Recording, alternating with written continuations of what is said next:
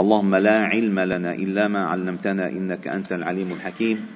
علمنا اللهم ما ينفعنا وانفعنا بما علمتنا وزدنا علما.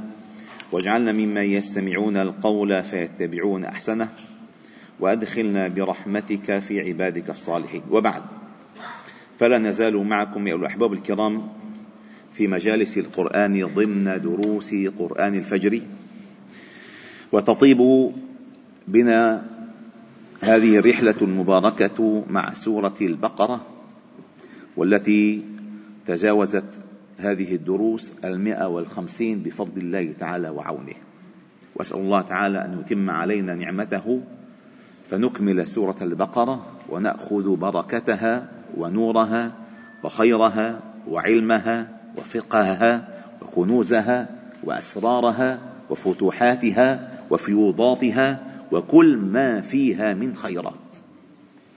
وقد وصلنا إلى قوله تعالى في هذه السورة المباركة أيود أحدكم أن تكون له جنة من نخيل وأعناب تجري من تحتها الأنهار له فيها من كل الثمرات وأصابه الكبر وله ذرية ضعفاء فأصابها إعصار فيه نار فاحترقت. كذلك يبين الله لكم الآيات لعلكم تتفكرون. وقلنا أن هذه الآية تصور حال هذا المنافق الذي ينفق ماله رئاء الناس ولا يؤمن بالله واليوم الآخر. فالناظر إليه بيد في الناظر إليه لأول وهلة يحسب أنه يعمل عملا كثيرا وشيئا مهما.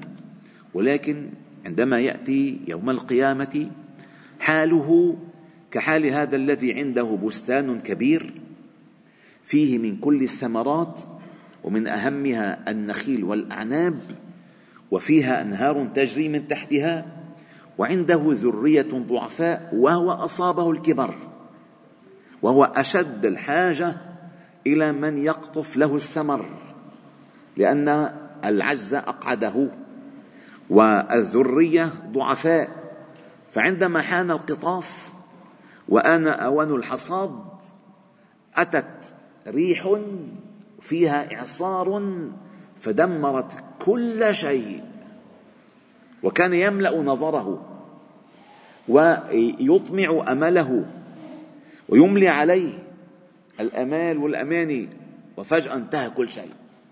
حانت ودقت ساعة الحقيقة. فلذلك الله تعالى قال فأصابها إعصار فيه نار. يعني ليس الإعصار من غير نار إعصار ممزوج بنار يعني حارق خارق مدمر ناسف. وما بقي منه شيء. وقدمنا إلى ما عملوا من عمل فجعلناه هباء منثورا. كذلك يبين الله لكم الآيات لعلكم تتفكرون. وهذه الآيات أي في هذا المثال والأمثلة في كتاب الله تعالى الصريحة تجاوزت الاثنين والعشرين مثالا. والغير صريحة تجاوزت المئة وأكثر. وكل مثال يضربه الله تعالى إنما يضربه للتفكر والتعقل وتلك الأمثال نضربها للناس وما يعقلها إلا العالمون.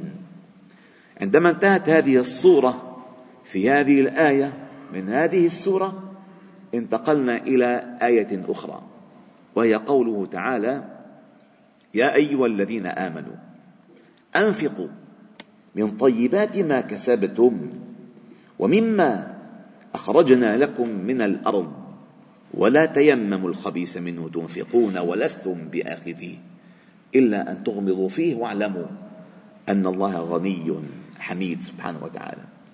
يا أيها الذين آمنوا وهذه الآية تكررت كثيرا. ولكن للمفارقة أن يا أيها الذين آمنوا في سورة المائدة أكثر من ذكرها في سورة البقرة. أولا لأن سورة المائدة هي آخر السور نزولا فكان الخطاب التوجيهي في الأحكام الشرعية أكثر. أما في البقرة أو أما في النداء من الله الإيمان للناس ففيه أسرار وأسرار. فإن العبد أيها الأحباب الكرام نحن ما لم نفهم حقيقة العبودية لا يمكن أن نفهم الدين. إن العبد المؤمن حاله بين حالين. إما مستمع لكلام الله الذي يناجيه الله ربه فيه ربه وإما يناجي ربه بكلامه. فأنت عندما تقرأ كلام الله وتسمع قوله يا أيها الذين آمنوا من المنادي؟ من المتكلم؟ لذلك ابن مسعود الله مرضى عنه قال إذا سمعت قوله يا أيها الذين آمنوا فرعها سمعك فإنها إما خير تؤمر به وإما شر تنهى عنه. أرعها سمعك. والنداءات الإيمانية في كتاب الله تعالى بقوله يا أيها الذين آمنوا تجاوزت الاثنين وثمانين نداء.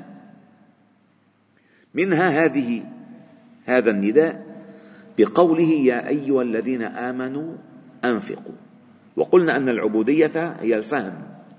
الفهم لأنك إذا قرأت القرآن فإنك تناجي مولاك بكلامه. أو بالعكس. إذا قرأت القرآن فإنك تستمع مناجاة الله لك بكلامه. وإذا قمت بين يديه مصليا فإنك تناجيه بكلامه. فأنت ما بين المتلقي لكلام الله تعالى مناجاة أو مناجاة وبين مناجاتك الله تعالى في صلاتك. هذا حال العبد. لذلك النبي صلى الله عليه وسلم قال قسمت الصلاة بيني وبين عبدي نصفين. ولعبدي ما سأل. فهذا النداء يا أيها الذين آمنوا أنفقوا من طيبات ما كسبتم ومما أخرجنا لكم من الأرض. هذا النداء جميل. أولا حث على نفقة الطيب من الرزق. فإن الله طيب لا يقبل إلا طيبا. وقال ومما أخرجنا لكم من الأرض. هناك رزق تكسبه بعرق جبينك وبكسب يدك وهناك رزق الله أخرجه لك. من كل ركاز الأرض من معدن من ذهب من فضة كل هذه الصناعات الثقيلة وغير الثقيلة الله أخرجها لنا. ومما كسبت يداك خياطة آه، آه، رسم إلى آخره. كتابة هذا كله كسب كسب اليد الله جل جلاله أمرك أن تنفق من طيبات ما كسبت. ومما أخرجنا لكم من الأرض. وألا تقصد في النفقة إخراج السيء. وإن سبب نزول هذه الآية أن أهل المدينة كانوا أهل زراعة وأهل نخيل. فعندما كانوا يحصدون ثمارهم ونخيلهم يأتون بأفخر أنواع تمرهم وهو البسر فيجعلونه بين ساريتين في المسجد وهو لا يزال في أول نضوجه.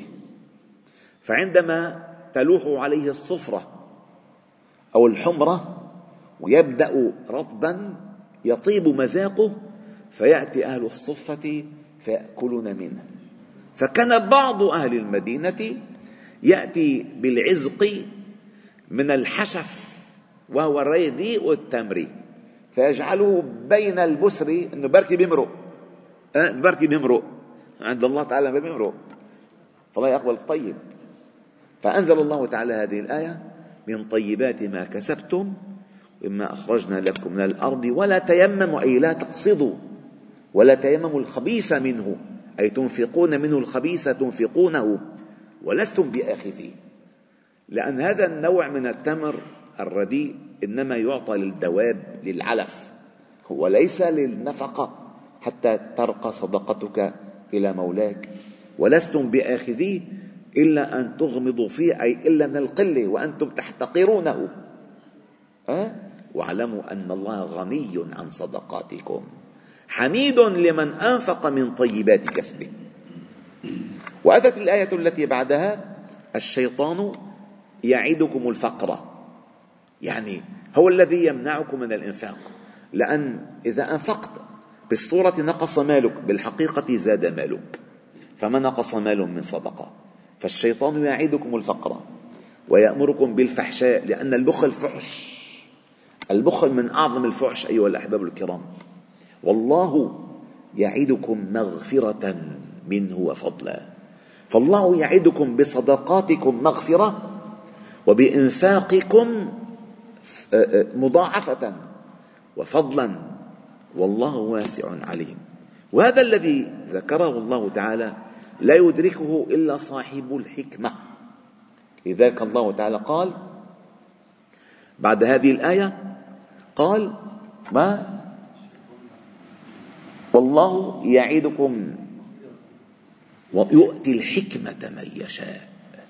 ومن يؤتى الحكمة فقد أوتي خيرا كثيرا. الحكمة أيها الأحباب الكرام في أبلغ تعريفاتها هو فعل ما ينبغي. في الوقت الذي ينبغي على الوجه الذي على الوجه الذي ينبغي. يعني الفعل في الوقت المناسب في المكان المناسب في الشكل المناسب.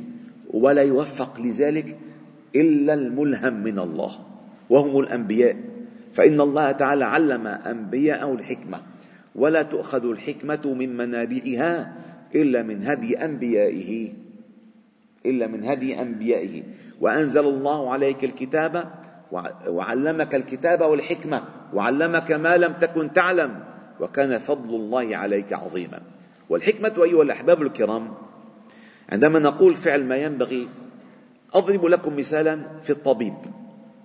الطبيب لماذا يقال للطبيب حكيم؟ يقال له هذا حكيم. وكذلك يقال للعالم حكيما أنه حكيم. لماذا؟ لأن الطبيب إن لم يكن حكيما فليس أو فليست البراعة في الطب أن يحسن وصف الدواء. إنما البراعة في الطب أن يحسن وصف الدواء المناسب للمريض وليس المناسب للمرض. فإن وصفه مناسبا للمرض ولم يكن مناسبا للمريض فقد فقد تكون النتائج عكسية. تكون معه حساسية. فبيموت فيها للزلمة. فلذلك عندما تصف الدواء ينبغي أن تدرس حالة المريض قبل أن تدرس حالة المرض. فإذا شخصت المرض عليك بعد ذلك أن تشخص حال المريض. لذلك الفقيه هو الذي إذا أراد أن يعطي الحكم الحكم الفقهية ينبغي أن يدرس زمانه ظروفه مكانه. ليس مجرد أن ينطق بالحكم الشرعي هيك ربنا قال. الله قال في كتابه وما أرسلنا من رسول إلا بلسان قومه. فما لم تفهم الظرف الذي يمكنك أن تستنبط فيه الحكم فقد يأتي حكمك الفقهي غير موافق للواقع فتصطدم الناس بالنتائج ويظن بالعلم ظن السوء. لذلك من آتاه الله الحكمة فقد أوتي خيرا كثيرا وما يذكر إلا أولو الألباب. فالله تعالى نسأل أن يلهمنا الحكمة وأن يلهمنا الصواب والسداد والرشاد. إنه سميع قريب. والحمد لله رب العالمين. سبحانك اللهم وبحمدك. نشهد أن لا إله إلا أنت. نستغفرك ونتوب إليك. وصل وسلم وبارك على محمد وعلى آله واصحابه أجمعين. الحمد لله رب العالمين.